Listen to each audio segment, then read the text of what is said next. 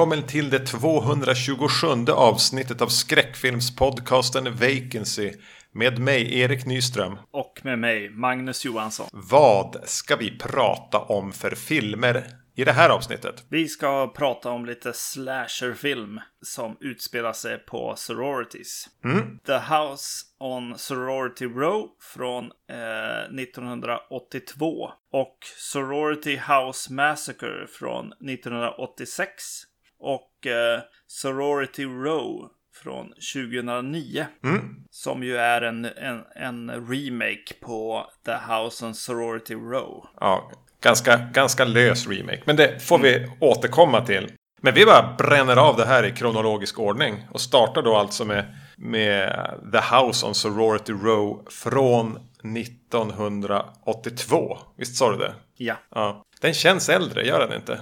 Ja, precis. Yes. Den känns eh, li- lite 70, 70-tal. Det är någonting med, med kläderna. Vi har inte riktigt kommit in i, i 80-talets, eh, alltså som vi minns det så att säga, Nej, än här. Men, men ofta de här talen börjar ju vid halvlek, ofta. ja, typ 84 någonstans där. Ja, precis. Ja. Blev det 80-tal. Men eh, hade du sett den här tidigare? Har du någon relation till den? Eh, ja, egentligen eh, bo, båda de här första filmerna är eh, filmer som jag inser att jag har sett ganska många gånger. Lite oväntat. Ja, det är så här. De står i hyllan och när jag bläddrar igenom och tänker ja, jag kanske ska se en slasher så, så dyker de här upp ofta. Det, det, det är något, något lätt sätt med dem kanske. Ja. Jag vet, jag har den här på, på, på någon ganska skräpig DVD-utgåva. Jag vet att jag såg den när jag sorterade om här för ett år sedan. Och, men jag tror inte jag har den Sorority House Massacre. Men jag vet att jag kan ha haft låna den av dig någon gång. För jag vet att jag hade eh, sett en av dem.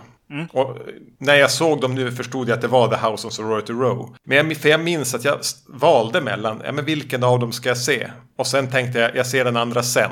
Och sen såg jag aldrig den. Men det är länge sen. Det är Ja. väldigt länge sen. Och jag kände igen väldigt lite. Det var det här med den här poolen och någon besvärlig house mother och så som jag hade vaga minnen av. Och att den, att den kanske skulle vara en who done it slasher. Mm. Men den utspelar sig på ett sorority house just när terminen ska ta slut. Eh, De ska ha ett, eh, en, en slut, stor slutfest, de här, eh, ett, ett gäng sorority-systrar. Kommer lite på kant med den här besvärliga husmodern. Vad är det så här, föreståndarinna eller någonting om man ska vara lite mindre svängelsk. Och de bestämmer sig för att spela henne ett spratt. Sprattet går fel. En en ganska typisk slasher-trope. Men de bestämmer sig för att ha festen ändå, ungefär. Och under festen är det som att någon hämnas eller börjar döda då de här kvinnorna en efter en. Den är skriven och regisserad av Mark Rossman. Ja. Eh, har du något på honom? Nej. Ja, inte annat än att han fortfarande verkar vara aktiv och jobba som eh, regissör, producent. Han var, eh, var ju executive producer på, på remaken, men han verkar småjobba fortfarande. Ta, hanka sig fram. Så han måste ha varit ganska ung när han gjorde den här. Det känns som en ung mans film. Ja. Eh, den börjar med, med en dåtid också. Ja, precis. Som, eh, vad heter den? Eh, The Prowler är det väl? Ja, just det. Ja, den, den, är- den är på 40-talet och härjar. Just det. Den här är typ 61, va? Ja, precis. Undrar om det är så att den här är är gjord 81 kanske. Ja, det var känslan. Man ville ju liksom 20 år senare tanken. Mm, mm. Men de skippade det när de märkte att de inte fick ut den tillräckligt snabbt eller någonting. Båda de här filmerna eh, finns i, i dagsläget på Prime. Eh, vad heter den? Amazon Prime. Amazon Pri- Prime Video eller vad den heter. Streamingtjänsten. Eh, som ju har väldigt mycket eh, skräck eh, från alla tider höll jag på att säga. Ja, De har ju deals med, eh, jag tror att det är Scream Factory eller något sånt där. Så det, det finns ju väldigt mycket där och mycket italienskt och, och så. Så man kan ju, kan ju rekommendera det om man inte är som jag eh, som köper dem i fysisk format. jag försöker sluta med det så jag är ganska tacksam att, att såna här, så, sånt här finns. Mm. Eh, Men det känns ju så opålitligt. Och dessutom är det någonting som känns med Amazon Prime. Mm. Att eh, vi, man borde inte få se det här i Sverige.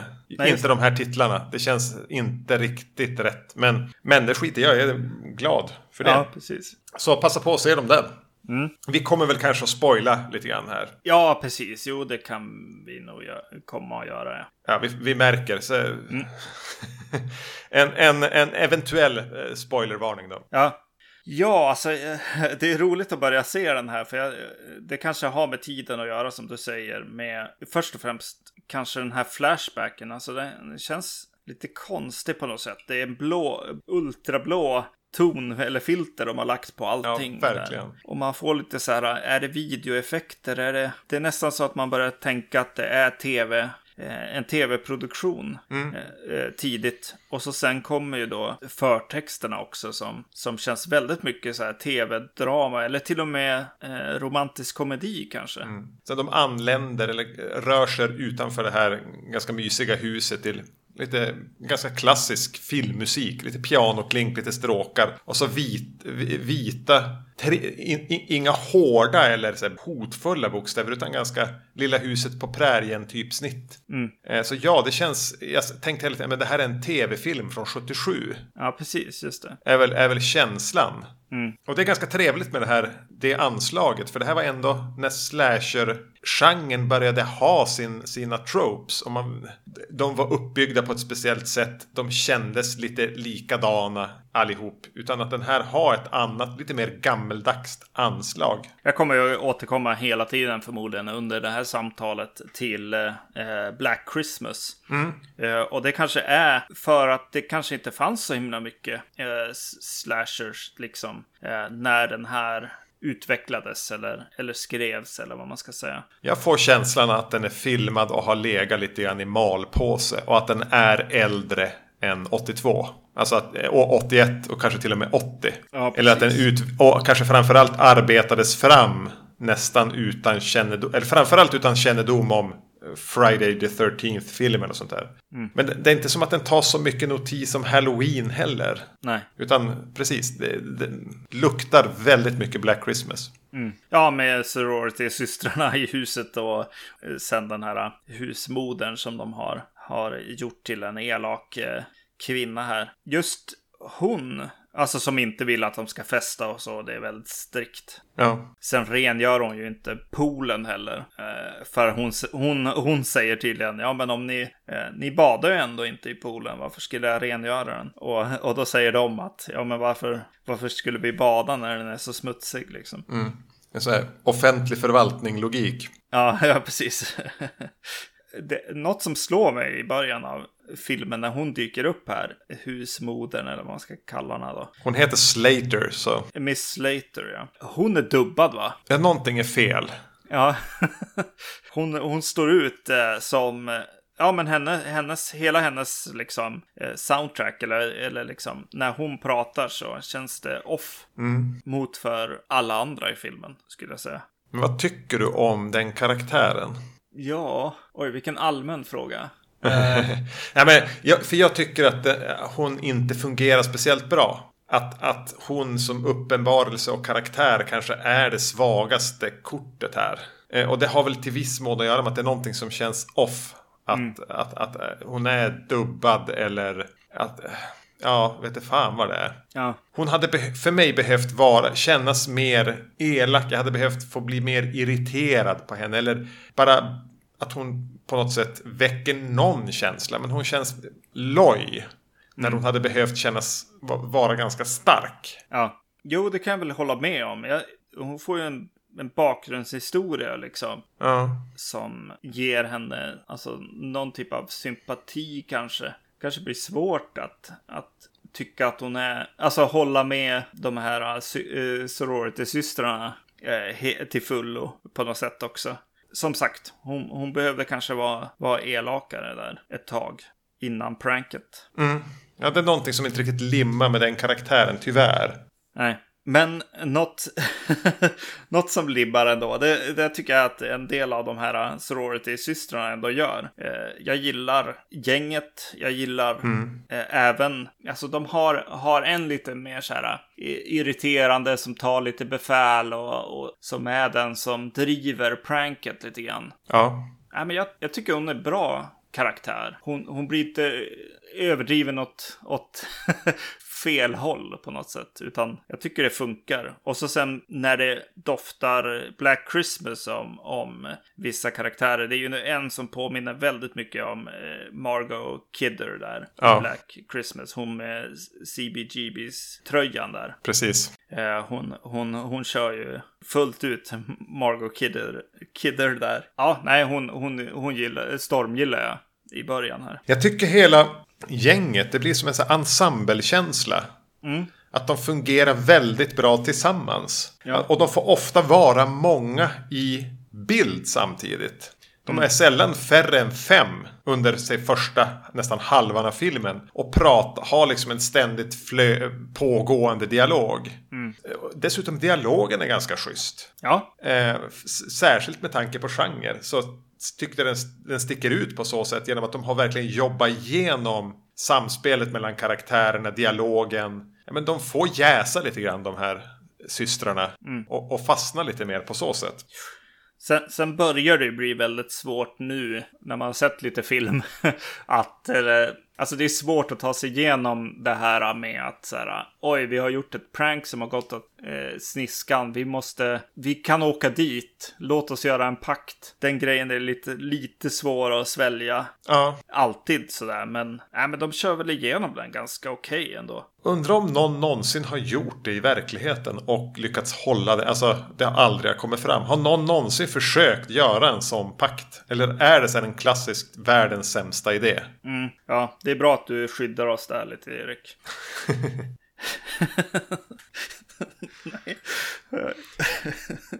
Vi går vidare. Ja, vi går vidare med det. Eh, någonting då som sätter igång här då. Ja, men, ja, men precis. Eh, eh, Margot Kidder där, den här damen då som, som eh, ska råka ut för pranket. Hon, hon har ju en sed liksom också där hon, hon går upp på vinden och kollar runt. Det, det handlar om, eh, om något barn som, eh, som inte liksom blev eh, fött. Ja. Eh, någon, någon olycka där på 60-talet. Och eh, hon sätter sig ju då i fönstret på vinden i en gungstol. Och, och det är ju, Och ha som egen tid där bara. ja, och det är enormt mycket Black Christmas. Alltså att, att till och med inte bara ta känsla liksom, utan verkligen ta ikoniska bilder liksom Ja. därifrån. Det är ju en, en hyllning på något sätt nästan.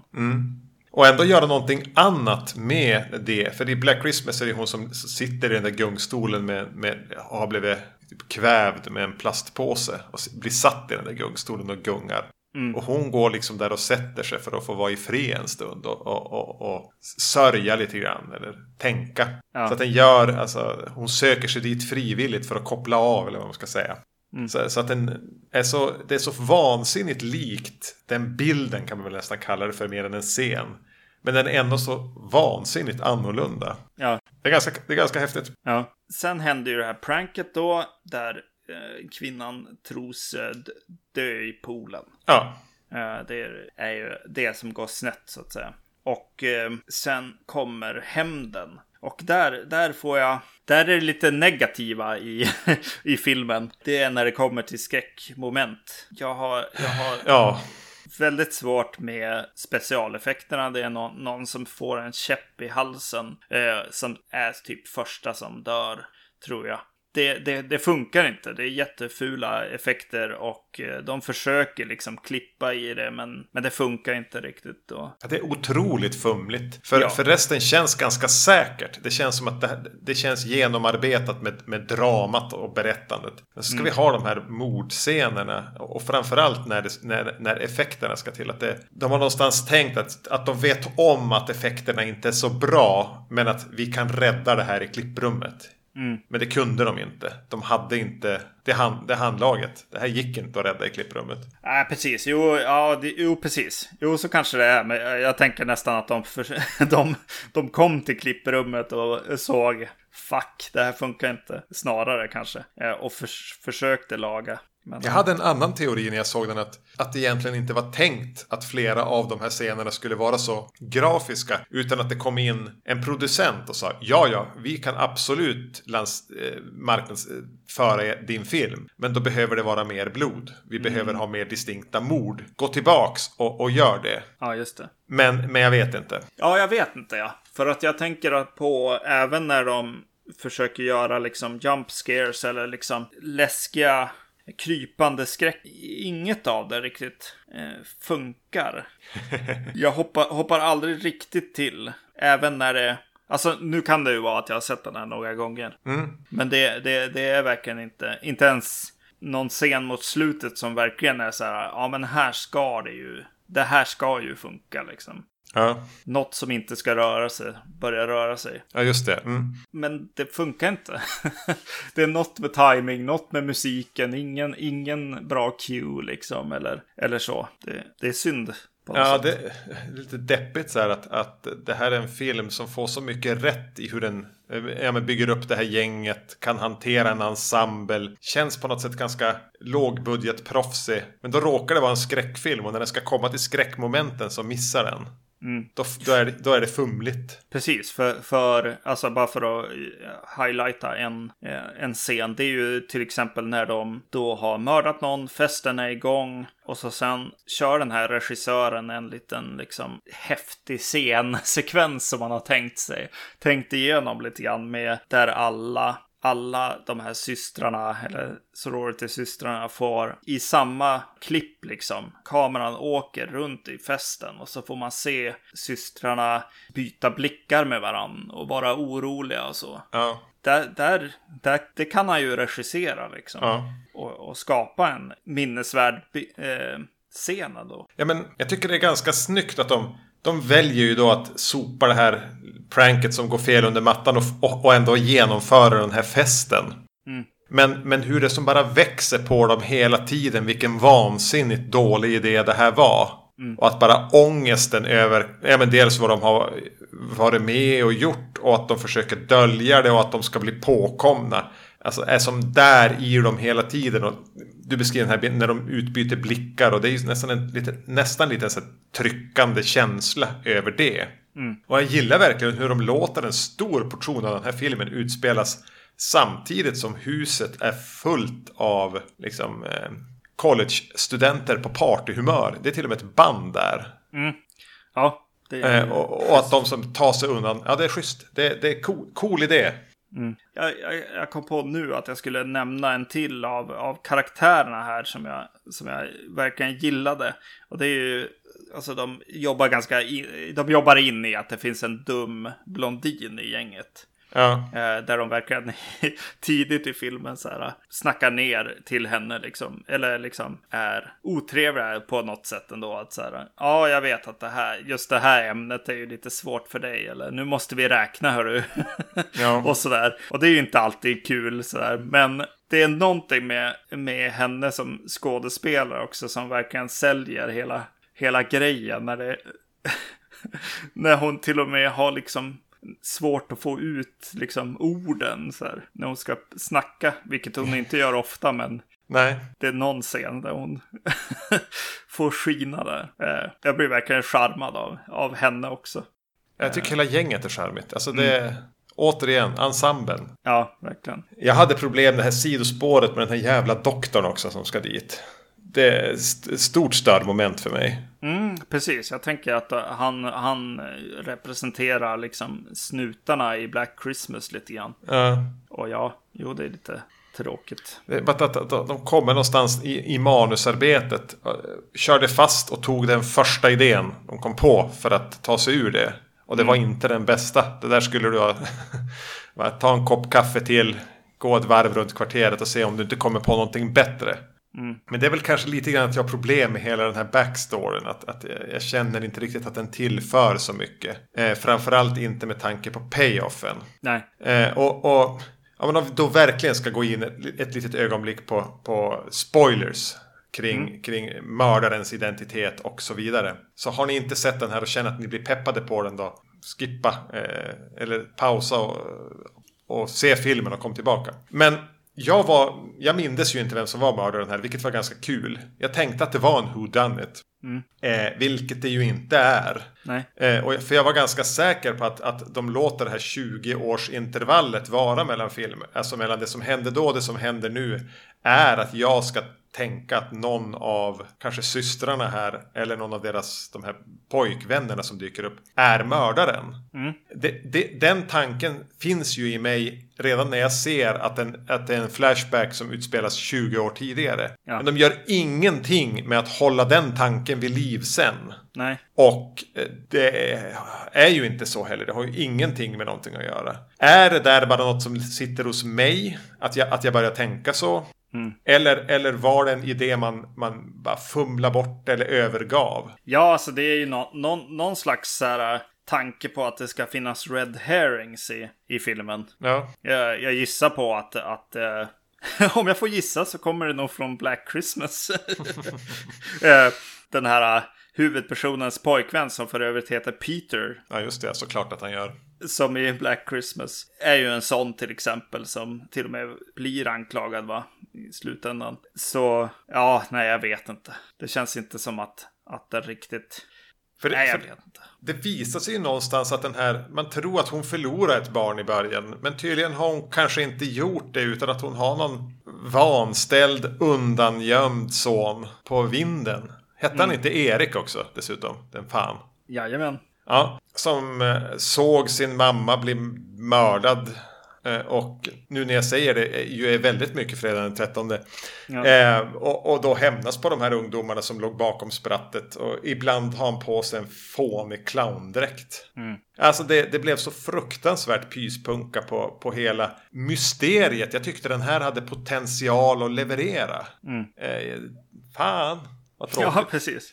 Ja, ja jag, jag, tyvärr, alltså det som hände i, i mig i hela den här, den här titeln var ju verkligen att så här, som jag inte hade noterat nog mycket tidigare. Det var, var ju hela Black Christmas kopplingen och hela så här, ja vad har du gjort med bebisen och alltså allt, allt blev ett, ett Black Christmas filter för mig. Det blev Ja. mycket, mycket det nu, mest när jag såg den. Alltså lucka på vinden, någon blir attackerad i garderoben. Alltså det är verkligen hela vägen. Så att eh, jag satt mest och kryssade av Black Christmas-referenser eh, till den grad att så här, mördaren är fortfarande där fast hjältinnan liksom ligger och vilar efter slutstriden.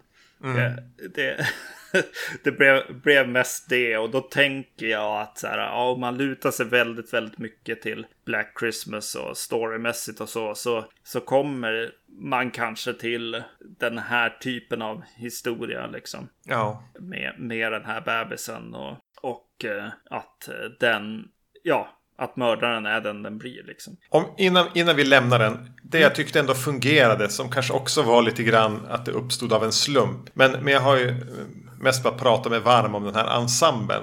Och att vi så ofta får se dem tillsammans. Fem, sex, sju, sju stycken. Så här, ofta i samma bild eller tillsammans. Eh, gör att när de sen blir Alltså en och en, att någon ska gå ner i och slå av någon lampa eller någonting. Att när man ska vara med en av dem så blir de så vansinnigt ensamma. För de här ser man ju i grupp. Det här är ju en sjuhövdad bäst. Just det. Eh, så, så plockar du ut en så blir det obe... Jag bara, nej, nej, du är ju helt ensam och sårbar. Du är ensam i hela jävla världen nu. Det tyckte jag blev effektivt. Kanske uppstod alltså, som en, som en eh, bi, bieffekt men, men ändå eh, snyggt. Ja, jag vet att, att när du när, när vi presenterade det här avsnittet eh, förra i slutet av förra avsnittet så, så presenterade du, du dem som eh, botten, bottenskrapet lite grann på, Ja. på slasher. Bottenskrapet men, men tredje klassens slashers. Ja. Precis, precis. Eh, hur känner du inför den här eh, nu? Men nu är jag beredd att, i, i vissa avseenden att uppgradera den just eftersom man känns att det, fi, det, finns, det finns talang här. Eh, så, så rent någon så kvalitet ur ett bredare filmperspektiv. eh, upp ett snäpp. Men som slasher är den ju inte så jävla lyckad alltså. Nej, precis. Nej, den hamnar ju där någonstans. Någon slags eh, tv-thriller, ja, precis från 70-talet på något sätt. Eh, failar ju mycket på, på skräcken tycker jag. Ja. Det är synd. Men den är ju inte helt utan poänger. Nej, precis. Och den, det är ju ett minnesvärt, eh, alltså det här pranket också innan. Det är klart att man direkt så här bara, när poolen dyker upp och så bara, ja just det, det var den här filmen ja, just det. Mm. så det, det är ju bra på något sätt och, och, att de fokuserar ganska hårt på den i början också. Direkt det händer något vid poolen så springer alla, alla de här unga kvinnorna ut för att se att, att inget, eh, ingen hittar liket så att säga. Mm. Mm. Så den skapar ju någon, någon, slags minnesvärd, ikonisk plats också. Ja. Den här gröna, äckliga poolen. Nej, men nu har jag väl sett sämre slasherfilmer. Ja, ja, precis. Jo, jo, verkligen. Just det kom väldigt mycket sådana här bara gå, gå och vara rädd i korridorer slashers ett tag där. Mm. Eh, som jag, jag börjar bli mer och mer irriterad på när de dyker upp. Så därför är den här en, en film som jag kan återvända till lite grann. Mm. Eh, för persongalleriet mest. Ja, eh, men då går vi vidare till uh, Sorority House Massacre från 86. Den här hade jag inte sett för. Okej, okay, just det. det. Blev tydligt. Jag trodde, alltså, eller jag visste inte vilken av dem jag hade sett, men det var inte den här. Manus och regi då. Carol Frank. Mm. Regiassistent på Slumber Party Massacre. Ja. Och hon var även produktionsassistent på någon film som heter Summer Spell som kom där tidigt 80-tal också. Ja. Ingen aning om vad det är. Det är, det, enda, det är hennes enda bidrag till filmhistorien hittills. Yes. Ett sorority igen. En kvinna kommer dit. Alltså nu måste du bara berätta. Varför är hon där? Är hon där typ så på audition? Eller är hon homebot? Alltså vad? Eh, alltså hon blir ju del i ett eh, så här sorority-hus helt enkelt. Hon ska dit för första gången. Ja, precis. Och när hon kommer in där så väcker det någonting i henne. Mm. Och det, det, är inte det enda det väcker utan det verkar även väcka en, en seriemördare på ett, som, som sitter inspärrad på typ rättspsyk någon, någonstans i närheten. Som eh, rymmer och sätter kurs mot det här sorority där hon just flyttar in. Mm. Jag bara kände när jag började se den här filmen hon liksom gå, kommer att gå mot det här sorority-huset. Jag bara fan vad mycket hus det har varit på podden på sistone. Det ska, alltid vara, det ska alltid vara en ond plats, ett, ett ont hus jag ska förhålla mig till. Ja. Och här har vi till. Den här är ju rolig, alltså jag måste bara notera hur, hur den här börjar och hur vi kommer in i den. För det är ett jäkla mishmash här alltså. eh, Av, av eh, tid och rum och vart, Ja, vart just är det. vi Ja. någonstans. Oh, jävlar, den sätter ribban ganska högt alltså. Precis. För den öppnar på ett, eh, ett sjukhus där, där eh, huvudkaraktären berättar om händelser som har hänt i filmen gissar jag. Jo, hon börjar ju med, och det blir som en ram. Hon börjar med att åt... Ja, vad var det nu som hände? Jo, jag ska berätta. Ja, precis. Så hon återberättar ju hela den här filmen. Och eh, då i den här återberättelsen så dyker det upp en någon slags... När hon kommer till huset så börjar hon... Så fick, får hon någon slags flashback till att hon, hon känner igen det här huset Ja. på något sätt. Så hon återberättar en händelse som sen skapar en flashback. Så hon har en flashback i en, i en berättelse eh, som hon berättar. Mm. Och, eh, och allt det här har ju också, är ju lite kul så här för att, ja men hur filmar jag det här då? nu sitter jag på sjukhuset, det är verkligheten just nu. Och så sen kommer jag till huset och ska jag återberätta. Då måste jag så här, göra lite wavy wave i början och Mm, mm. komma in i någon slags återberättelse. Och så sen kommer en flashback då som är i någon slags så här, eh, vaselin på linsen ljussättning liksom här i, i huset. Men det är ju inte nog med det.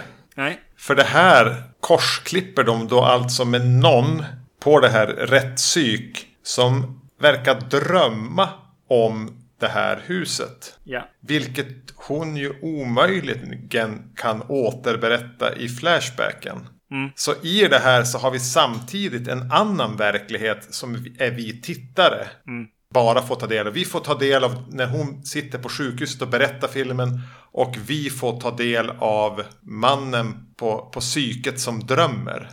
Så nivåerna här och vad karaktärer vet och vad jag vet och vad som är en dröm och vad som är en annan persons dröm. För jag menar, hon har inte varit där länge när hon sen drömmer. Mycket av det här är dessutom i någon slags halv slow motion. En sån här sirapskänsla som blir lite som drömmar kan vara ibland. Ja. De rör sig på ett sätt som är samma känsla som att man i en dröm försöker skrika men inte kan. Det, är, det är jävligt knepigt. Ja, och, eh, och de, de, de kör ju de här mest hårt liksom i, i början här också för att sätta någon slags, eh, jag vet inte, verkshöjd på den här Ja, filmen. alltså slå an eh, jävla ambitiös ton. Ja, ja. Eh, verkligen. Och då ska man ju tänka att det här är lågbudget. Det är betydligt lägre budget än förra filmen. Alltså det är ett, det är ett här, fyrkantiga, plattare foto. Man märker att det här är någon som inte är van att regissera skådisar. Det är ganska mediokra skådisar ska man väl säga. Den här, hon som spelar huvudrollen, hon heter Angela O'Neill. Fan vad tråkig hon är. Ja, Eh, Hon, hon verkar jobba som, som propmaster nu, såg jag. Jag tänkte försöka hitta någonting att säga om hon. Hon var propmaster eller så här prop assistant. Och var, var, jobbade på en del så här 90-talsklassiker, typ eh, Apollo 13 och American Beauty. Och nu är hon eh, på Grey's Anatomy och True Detective. Det är väl det som går att säga om henne. För hon är så fruktansvärt okarismatisk. ja. Och det är någonting hela tiden med dialogen i den här filmen. Det känns som ibland när jag sitter och klipper podden. Att, jag, att, att man går in och här, tar bort ett alldeles för långt mellanrum. Bara för att öka på flowet. Förstörde jag illusionen nu? Nej. Av hur, hur kvicka vi är. Men alltså jag, jag ville bara hela tiden klippa lite tidigare. Vänta inte så där länge innan du säger din replik. För det här är ett samtal, det är inte en läsning. Alltså det, det är någonting trögt och segt i det där. Hur det bara har fogats samman och klippts ihop kanske. Nej, precis. Jag vet, jag vet inte. Jag börjar tänka att eh, Prime Video har någon, har någon konstig version av den här filmen. Ja, visst känns den felframad? Ja, precis. Det- Det är något 4-3-format där som de har och eh, vid något tillfälle där de sorority-systrarna i den här filmen Ja. de eh, går längs så här Halloween-gatan och ska gå till skolan. Och eh, hela liksom mickboomen bara hänger ovanför dem. Alltså det är inte bara lite grann att man ser lite grann av micken. Du ser hela jävla stativ och allting. yes. Ja, eh, det, må, eh, det, det måste ju vara något, något fel på just den transferen eller vad man ska säga. Men tänkte du på den här mannen som springer in naken? Ja, Att han, han springer ju från, vi kommer säkert dit, men han, av, av anledningar är han naken, springer mot dö- en dörr bakifrån. Han är uppenbart naken, man ser hans bleka rumpa. Klipp inifrån, han öppnar dörren, kommer springande mot kameran. Längst ner i bildkant ser man att han har byxor på sig. Och då, då tänker jag att det här är ju... De har filmat den här förmodligen i, en, i ett ganska 4-3 format. Och sen har man, är det tänkt att, för att man ska maska av den för, ett, för ett bredare format. Att man ska plocka bort information på vissa ställen. Men, men, men den här utgåvan har de ju inte gjort det. De har förmodligen kommit, köpt och inte vet, alltså det fanns inga instruktioner var, var de skulle sätta in några maskningar så de har bara struntat i det. Vilket gör att den både så här, alltså, ganska osexigt komponerad men att det blir sådana där direkta blunders. Men det är utöver det är det ganska platt också. Jo. Men samtidigt så, så det är något i skapar eh, tillfället för det här. Alltså det är någonting i manusarbetet eller i liksom eh, setups eh, och så i den här som jag eh, känner vä- mig väldigt nära själv. Att, att eh, skulle, skulle jag göra en slasher och, och få idén att göra någon slags så här Halloween möter Elm Street film. Eh, Det skulle bli mycket av de här grejerna som händer här. Det finns en, en connection eh, med filmen rent kreativt för mig när jag ser på den här. Jag gillar, gillar på något slags barnsligt kanske jag inte ska säga, utan mer så här jag tänker på tonårs-Magnus när det när de väljer att eh, ha så här, försöka få blod att droppa droppa som stearin längs ett ljus och, mm. och lite sådana grejer. Att säga bara, ja det här, det här känns, känns nice på något sätt. Ja, det, det är något, eh, något trevligt med, att, med filmen. Ja, men den brister i det tekniska utförandet i vissa avseenden. Mm. Ja, men det här är ju ändå någon som har velat göra den här filmen och har kommit med idéer. Mm. Och det tycker jag skiner igenom. Det lät som att jag, jag känner att det lät som att jag hatar den här. Det gör jag ju definitivt inte. Nej. Utan den är ganska, den är ju kort också. Vad är den? 75 minuter. Ja. Den är, jag tycker den är ganska kul att titta på. Just mycket för att Ja men båda de här lagren, alltså mindbending, mm. för, för krångligt på ett sätt. Det är ganska härligt. Ja. Eh, och eh, hur den tar idéer verkligen. Mm. Eh, du nämnde så Halloween, den här är ju egentligen ett, ett, ett riff på Halloween. Mm. Ordentligt visar det sig, fast den är strukturerad på ett annat sätt. Men i Halloween har vi den här klassiska scenen när Laurie sitter i skolan. Ja. Eh, och föreläsaren hör man prata i bakgrunden om, ja, men, och hon svarar ju på en fråga också om öde. Och den är ganska in your face subtilt kring hur eh, det, det de föreläser om även korrelerar till, till, till uh, Laurie Strode versus Michael Myers på något vis. Mm. Eh, här är de ju på flera föreläsningar i skolan och får mm. avhandla allt som den här filmen handlar om. Yeah. de är på någon föreläsning, någon av, någon av de här systrarna, där de pratar om déjà vu. Hur mm. någonting man har upplevt tidigare kan helt plötsligt börja man minnas när någonting påminner om Vad beror det på? De stannar upp och pratar om det. Mm. De har en föreläsning om döden. Vad döden är, det definitiva med döden. En föreläsning om hjärnvågor. Och att det kanske går att eh, registrera dem, mäta dem, kanske till och med skicka dem till en annan person. Mm. Och de pratar även om psykoterapi och bortträngda minnen och hur ja. man kan komma åt dem. Det, det, är när de är i skolan. Sen, sen är de hemma och har, har, har så här, gemyt. Så börjar hon berätta om sina drömmar då. Den här, jag kommer inte ens ihåg vad karaktären heter. Men huvudkaraktären. Mm. Och då börjar de bara, ja men det här tänker jag ha med dina drömmar betyder ju någonting. Och då sätter de sig ner, hämtar typ en bok om det. Och hinner till och med med att gaffla om att någon, någon vill skoja bort det. Och någon säger, ja men du, det här är viktigt för mig. Skämta inte om det här, jag tror på det här. Mm. Och gå ganska långt i att prata om detaljer i drömmarna hon har haft och vad de kan stå för. Mm.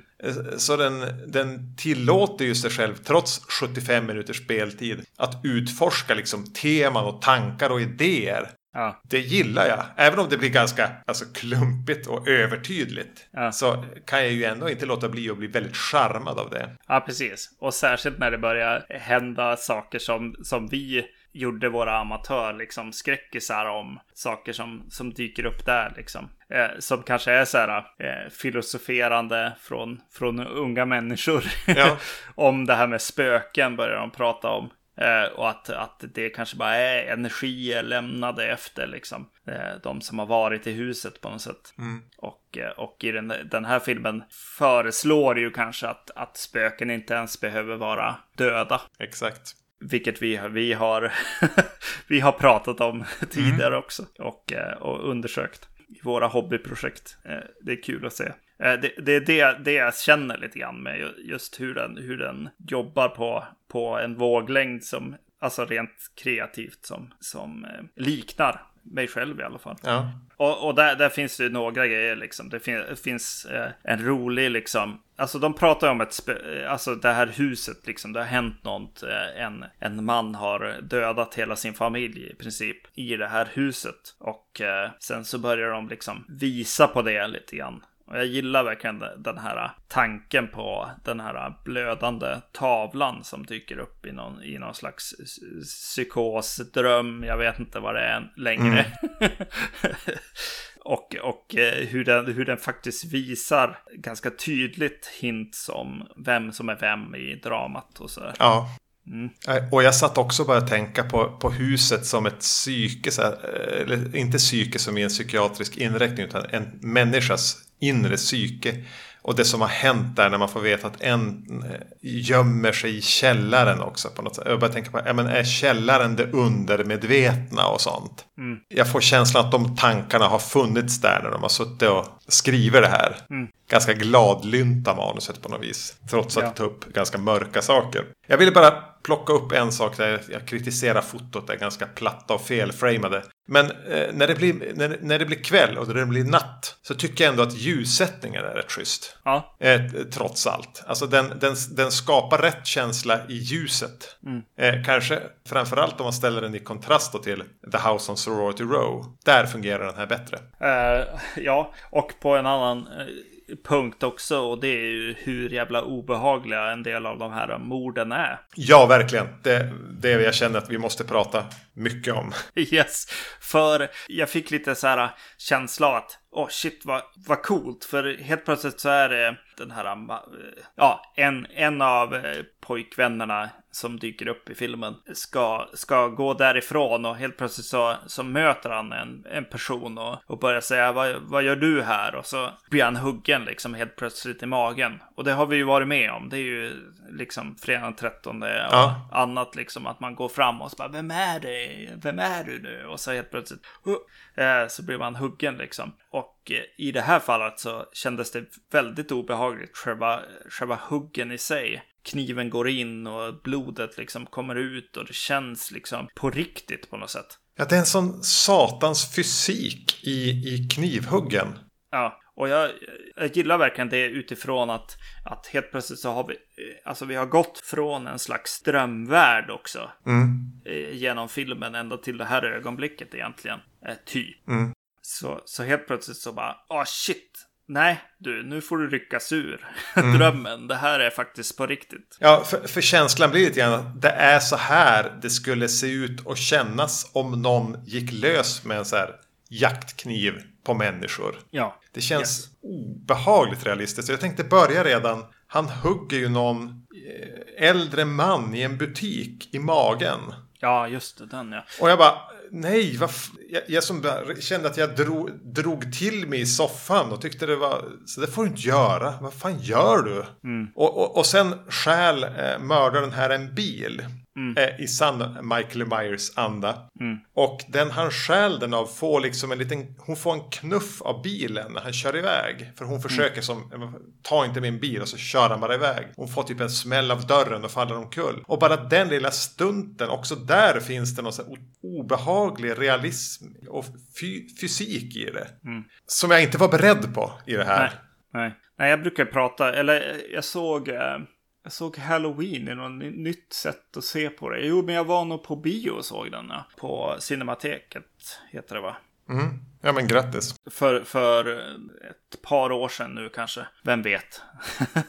eh, och eh, det som slog mig då var hur jävla otrevlig liksom Michael Myers är och hur mycket liksom seriemördare han är när han kör omkring där och tittar på pojken där och, mm. eh, och står och tittar efter folk och och det blir verkligen obehagligt på något sätt. Och att, att här då i den här filmen få följa med in i hardware-storen där liksom. När han hämtar sitt, sitt vapen och sin mask liksom. Att få följa med in eh, bygger nästan eh, Michael Myers-mytosen lite mer. Ja till och med här. Att så här, ja men så där såg det ut i Halloween också, men vi fick inte se den scenen. Nej, och den, alltså fysiken i knivattackerna här är ju värre än i någon av dem i Halloween. För där håller de lite grann till det stiliserade, lite lättsammare. Ja, här blir, här upp blir det en råhet som jag tror inte riktigt de visste vad de gjorde när de åstadkom. Nej, nej precis. Ja, men även hon, det är några som får för sig att typ tälta ute på gården och typ har tänkt ha sex i en tipi. Ja. När han anfaller mm. med kniven. Mm. Hur hon får kniven liksom bara intryckt i bröstkorgen också. Jag förstod inte riktigt vad som hände. På samma Nej. sätt som jag tänker mannen. Den tidigare nämnde han som visar sin bleka rumpa. Mm. Det är en sån abrupthet i det. Mm. Eh, som är, ja det är fan alltså. Mm. Fy jo. fan. Ja, det blir väldigt ver verkligt, trovärdigt eh, våld helt enkelt. Och även så här, om man lyssnar på true crime eller ser på true crime också med så här överlevnadshistorier också. Eh, att folk blir liksom så här huggna massa gånger men ändå klarar sig och så där. Det är lite, lite så, så sådana känslor också där i vissa tillfällen här i filmen som är jävligt obehagliga. Slutstriden typ. Ja, precis. Ja. Jo, de huggen vill man ju som inte ens tänka på. Nej, nej precis. Nej, det kanske blev något fel. Han kanske kom åt. Det var nog inte meningen av crewet. Alltså sen bara, jo då. Och att just innan liksom slutstriden med, med, med, med huggen där så är det, kommer som drömvärlden in igen. Mm, just det. När någon bara drar sig fram med en kniv som att benen inte fungerar och sådär. Vad va, va, va är det där? Det där är jätteläskigt. Mm. Så, den, så den jobbar sig ju fram mot någonting.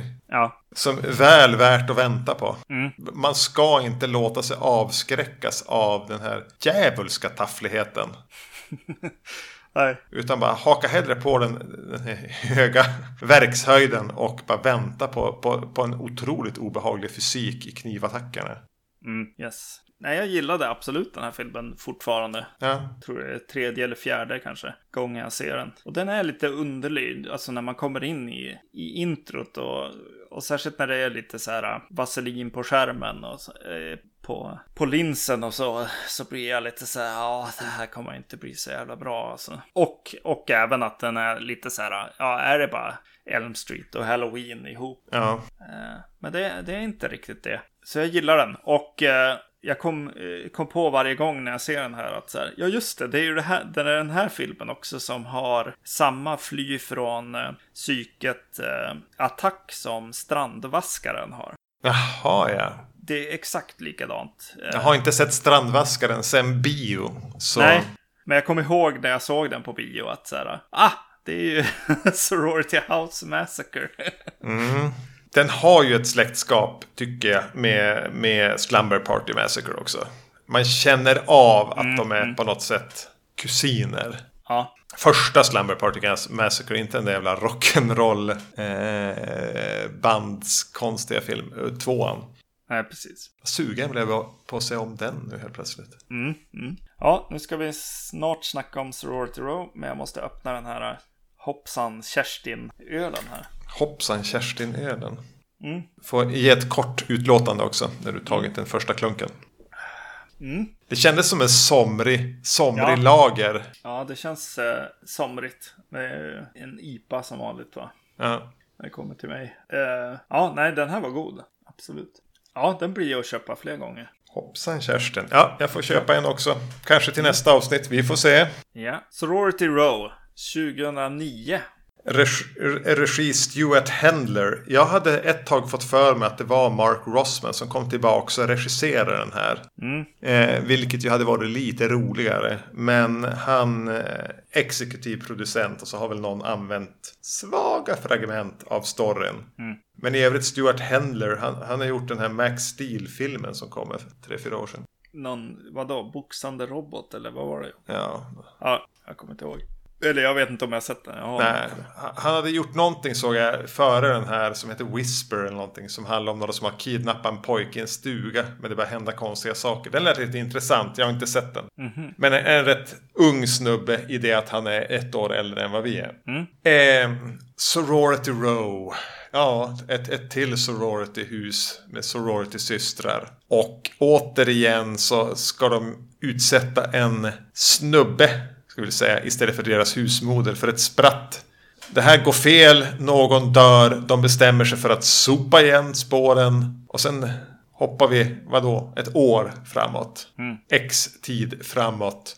Eh, till en eh, ny fest. Ja, de ska väl ta exa- de tar väl examen. Eh, och då dyker det upp någon i en så här examenshuva.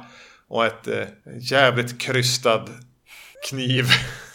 och börjar avpolitera de här systrarna en efter en. Är det så att någon vill hämnas för vad någon blev utsatt för ett år tidigare? Bla bla bla. Ja. Ja du, var börjar vi här? Vill du vara på festen som filmen börjar med? Alltså jag tycker ju om... Jag, jag tycker om hur den här filmen eh, öppnar. Framförallt bara, bara när festen Ja. startar här. Eh, I det att den är så koreograferad. Ja, det är ju en så här one take eh, grej. Ja, och, och i princip dansföreställning liksom från de här systrarna vi ska få följa i den här Ja, filmen. Det, det tyckte jag var, var roligt eh, och jag tycker också att det kanske är den bästa just festscenen i, i filmen. ja det första ja. Ja, precis. Jo, Någonting som händer där. Eh, för det blir nästan som en, en liten dans, eh, liksom, föreställning. de har någon studsmatta som är i, i mitten där och, och ja, men folk står och dansar någonstans och de står och käbblar om öl någonstans och kameran glider runt och hittar karaktärer och glider vidare, hittar en annan och rör sig upp för en trapp och ja. Jo men det, det, det, den är ju tekniskt snygg, jag håller med. Ja. Och sen kommer vi in i eh, något 2009-tal eh, och då, då blev jag gammal gubbe här eh, väldigt, väldigt snabbt. Jag, jag, jag tyckte att de här systrarna var lite obehagliga. Det, finns något, det börjar väldigt mycket med, alltså med rape jokes och roofies och, och så. Ja just det, hon säger det den där. Det är väl Chugs som säger det. Men vadå? Alltså, ro- roofie-våldtagen, det är väl inte så dumt. Du får, du får ligga och du får en god natts sömn. Precis. Det, det är typ den. Och det är väldigt mycket jargong. Ja. Hela tiden. Mm. Eh, De ska vara själviska, de ska vara snubbiga. Ja, det, blir, alltså det hinner ju bli tröttsamt redan innan de har åkt iväg från, från eh, sorority-huset. Ja, precis. Just att det går inte att bry alltså det, det blir så. De blir typ memes eller någonting. Mm. Även om jag gillar namn, äh, smeknamnet Chugs. Ja, yes. Ja, det, det, ja precis. Jag, jag, när vi ändå håller på och pratar om det så, så är ju problem, största problemet med den här filmen för mig är eh, att den hoppas på att vara rolig. Och eh, det är klart att man kan eh, skämta om allt och man, man, får, man, man får absolut göra så. Alltså, man får vara hur bitchig och liksom våldtäkt och slatt, slatthumor höll jag på att säga. Ja, Vad som helst kan ju vara roligt. Men man ska nog inte satsa på att skriva en sån film om man inte själv är alltså, tränad komiker. Alltså att man är eh, en komiker. alltså, det blir ju inte roligt om den inte är rolig. nej, precis, exakt. Och den är ju, de är ju inte charmiga de här heller. Nej, nej, precis. Av hela casten, de här systrarna, så den enda jag tycker har lite lyster är hon med den vidrigaste rollen. Det är ju den här ledaren. Ja, Eh, för hon tycker jag har en hopplöst vedervärdig roll. För hon är typ den värsta av de värsta i att vara bitchy, självcentrerad och skrupelfri. Men hon är den som har hittat in i rollen i alla fall. De andra står ganska mycket och trevar och försöker hitta vad det är de har att jobba med. Det är ju den enklaste rollen, för den är så fruktansvärt endimensionell. Men hon har förstått det och hon kör. Mm. Men ja, det blir, det blir ett problem. Den är ju inte rolig, den är inte charmig. nej, Och, och då kan jag uppskatta, för det den här filmen ändå gör, den här är ju lite längre, vad kan den vara? 95 minuter, nästan uppåt 40. Det är att den tar god tid på sig med att etablera det här, den här jargongen, etablera karaktärerna, eh, etablera det här sprattet de har tänkt göra. Det får ta sin lilla tid, det som händer, det efterföljande och hur de dividerar. Innan vi liksom är när slashandet ska starta har det ju nästan gått en halvtimme av filmen. Och jag brukar ju ofta uppskatta det. Att, att en film får ta tid på sig, bygg karaktärer, etablera någonting, låt det andas lite grann, lufta vinet. Och jag uppskattar väl egentligen det här också. Men kanske att den tar för god tid på sig då. När den, när den, den har ju ingenting att jobba med. Det är väl det. Det är väl det. ja, nej, precis. Nej, nej så är det nog. Eh, precis. Jag, ty eh, ja, jag tycker det faller sönder helt klart på, på manusnivå här. Eh, än, än en gång alltså. Gud vad skönt det hade varit om det hade varit någon som kunde, kunde det här. Alltså inte manusförfattare som sen skriver typ Jigsaw. Eh, det, det, det, det blir liksom, de är inte roliga någonstans. Nej. Men de försöker som fan. Och då blir det ju obehagligt nästan. Eh, istället. I, Mm. Ja, det, blir ju en o, det blir ju en otäck värld att leva i det här. Ja, precis. Se- Sen när de är... Ja, det starkaste kortet som finns här är väl egentligen pranket. Kan jag tycka då. om jag, om jag ska säga något, något bra, för att det är så jävligt otrevligt. Eh, och jätteobehagligt. Mm. Jo, det är ingen dum idé alltså. nej, nej precis. Och eh, ja, nej alltså, det där vill ingen ha varit med om någonsin. Nej, så, och, och också hur, hur eh, han som blir liksom eh, utsatt för det, liksom reagerar på det, eh, är väldigt bra. Även, eh, även om, om kvinn, de unga kvinnorna här också ska reagera väldigt mycket och gör väldigt mycket, så, så tror jag inte riktigt på dem lika mycket som, som han där när han får riktigt så här eh, å, ångestattack liksom. mm.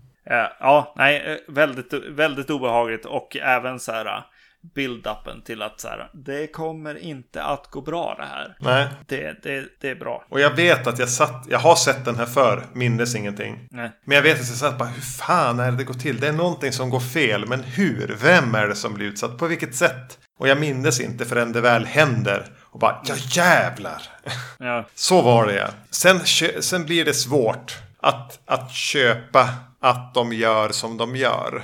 Eh, jag tänker om man ska titta på, på det det här då är en remake på. I den filmen får man lite känslan av att de, att de är i, agera i panik. Och att det här är något Alltså, jag köper där pa- panikagerandet på ett annat sätt. Här känns det som att de är cyniska hela tiden.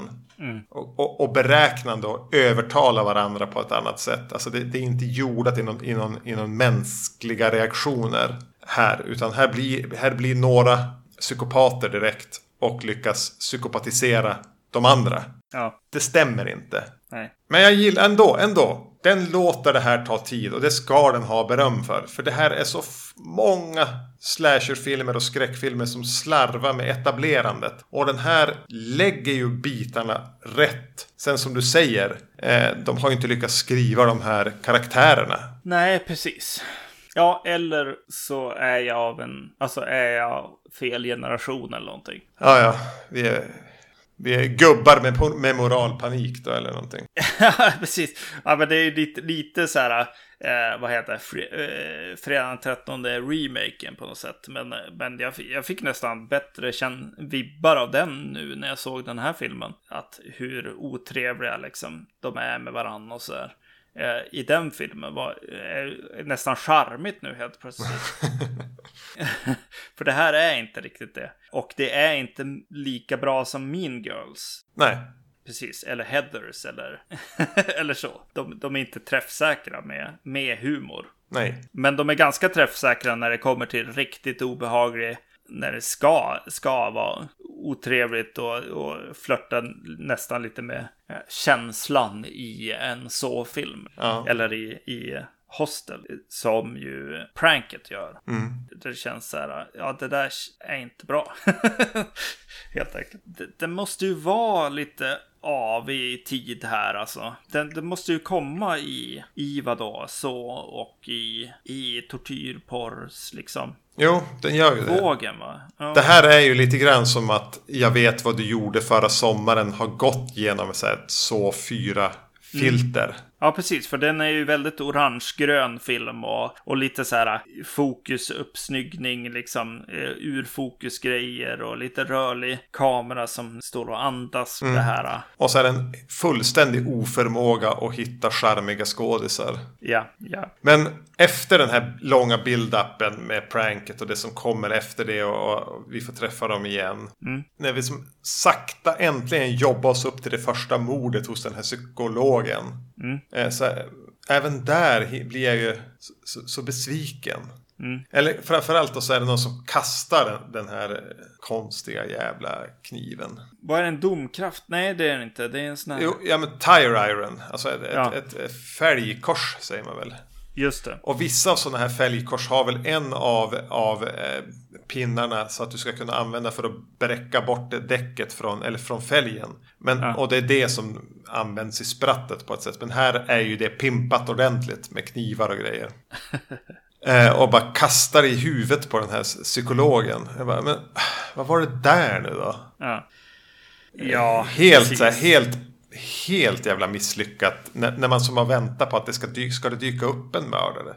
Så, så blir det så... Mm. Ja. Eh, och så mördas ju den här vad, vad var det hon hette? Chugs. Chugs där också. Då har de liksom jobbat in lite grann i, så här, i hennes karaktär och, och hon är väl där, liksom den lösaktiga i gänget så här, men också liksom lite tragisk karaktär liksom. Ja, precis. Man får ändå känslan att hennes drickande och alltså hennes drickande och lite lössläppta som, som för ett år sedan var lite skärmigt har här tagit, bara tagit en mörk högersväng. Mm. Och blivit destruktivt. Och det, det är ju det är ju lite spännande. Ja, precis. Men då att så här, att som döda henne på något sätt som gör henne skyldig på något sätt nästan. Ja. Till hennes beteende på något sätt. När de just har börjat visa på att på abuse liksom. Ja. I princip. Eh, så, eh, så känns det lite så här, ja, cyniskt. Ja, bara göra en punchline av det. Ja, precis.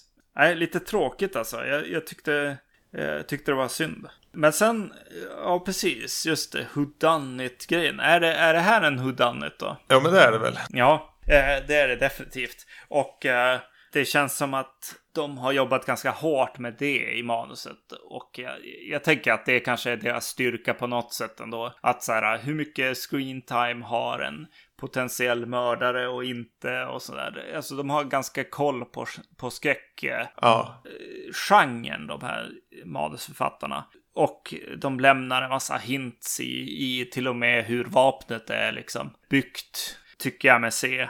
Kontra vad, vad, vad folk har för fritidsintressen och sådär. Mm, mm. Men också så ser man, ja men just eh, red herringsarna och även så här, men varför, jag, jag tänkte hela tiden, varför är, är den här snubben jagad eller den här kvinnan jagad? Och så helt plötsligt så får man lite hint som det med, med en scen i duschen där, där de här eh, systrarna snackar lite för frikostligt över, över det här pranket som Mm, mm. slutar i ett, i ett mord i princip. Då, då är det en kvinna där i som gömmer sig i en av duscharna där som, som eh, sen blir jagad och mördad. Eh, Så man får, får en känsla av att mördaren kanske, kanske inte vill att det här ska komma ut eh, någonstans. Och då finns det flera karaktärer som skulle må dåligt av att det kom ut. Mm. Vilket jag... Ja, men det, det, det, där, det verkar de ju kunna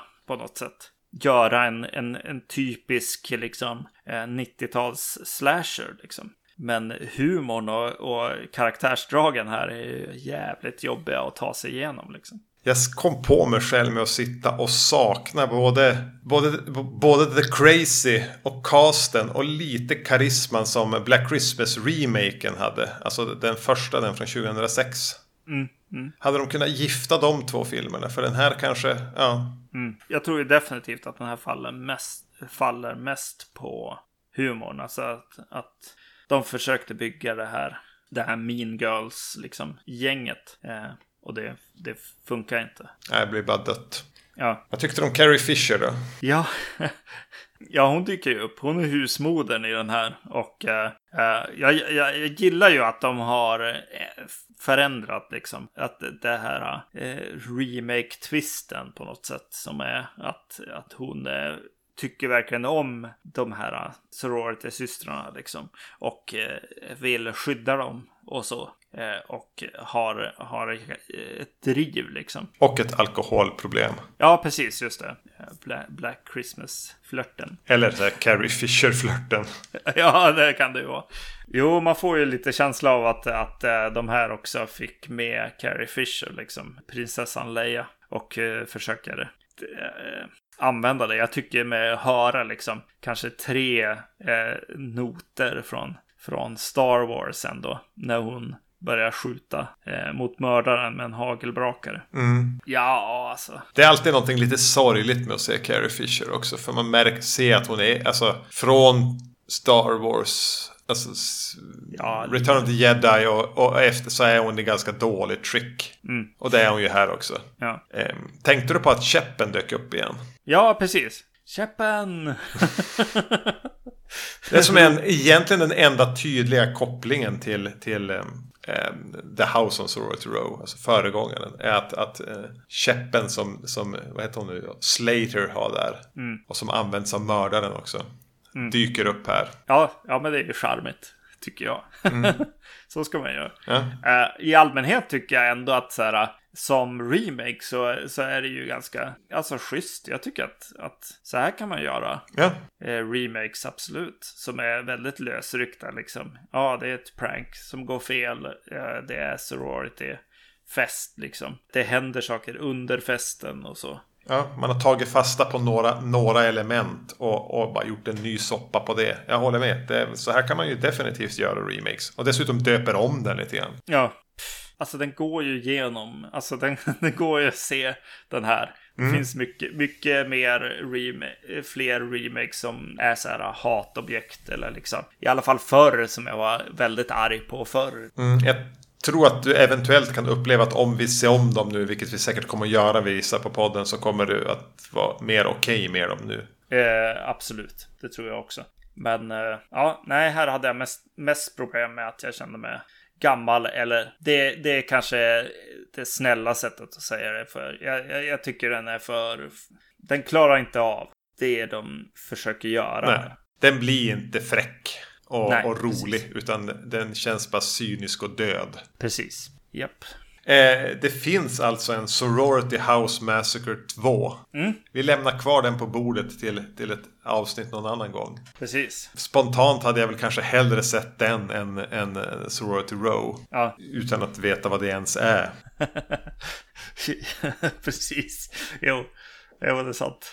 Ja, jag måste säga en, en till positiv sak om Sorority Row. Jag tycker att, att äh, ett hav av bubblor är rätt charmigt. Alltså. Ah, skum, skumgrejen där. Ja. ja, precis. Det är, det är en bra, bra idé och det funkar lika, lika bra som det är när, när folk äh, har hällt liksom eh, eh skum i någon fontän. Liksom. Det, det, är roligt att se och det är roligt att se på film ja. också. Så alla som lyssnar här, gå ut och häll såpa i närmsta fontän. För det är roligt att se på. Japp. Nästa avsnitt då? Mm, precis, vad skulle vi se då? Ja, har du glömt det? Ja, ja nej, nej det har jag inte. Vi ska se Lovecraft-grejer. Ja. Precis. Eh, Color Out of Space. Eh, Richard Stanleys comeback-film såklart. Måste vi prata om den. Mm -hmm. och tillsammans med den en, en annan baserad på samma, på samma Lovecrafts berättelse. Men den här heter Die Monster Die med Boris Karloff från 65 kanske. Mm. Så vi, vi återkommer med, med, med, Lovecraft och med, med den här ganska upphåsade Nick Cage. Eh, Richard Stanley-grejen. Mm. Ja, jag frågar redan. Du har inte sett den än? Nej, den, ja. den, den, ligger i hyllan. Mm. Du har sett den på bio va? Ja, precis. Jag ja. såg den på Stockholms filmfestival gick den va? Men har du sett Die Monster Die? Ja, någon gång. Fan, jag eh. trodde jag skulle få vinna där. Att, att jag ja. har i alla fall sett den. Ah, ja, det blir nästa avsnitt. Hoppas ni tyckte det var kul att höra om sorority-systrar som blir mördade. Eh, vi finns på iTunes, vi finns på podcast andra podcastleverantörer, till exempel Spotify, Acast eh, och så vidare. Om det finns någon sån där som ni föredrar som vi inte har lyckats hitta till, hör av er med det då. Det kan man göra på, antingen på Facebook, skicka ett meddelande, skriv på våran, där på, sök upp vacancy. Man kan mejla oss på podcast at vacancy.se. Eh, ja men det var väl allt va? Ja, det var det. Tack för att ni lyssnade igen. Ja, tack tack. Hej. Hej.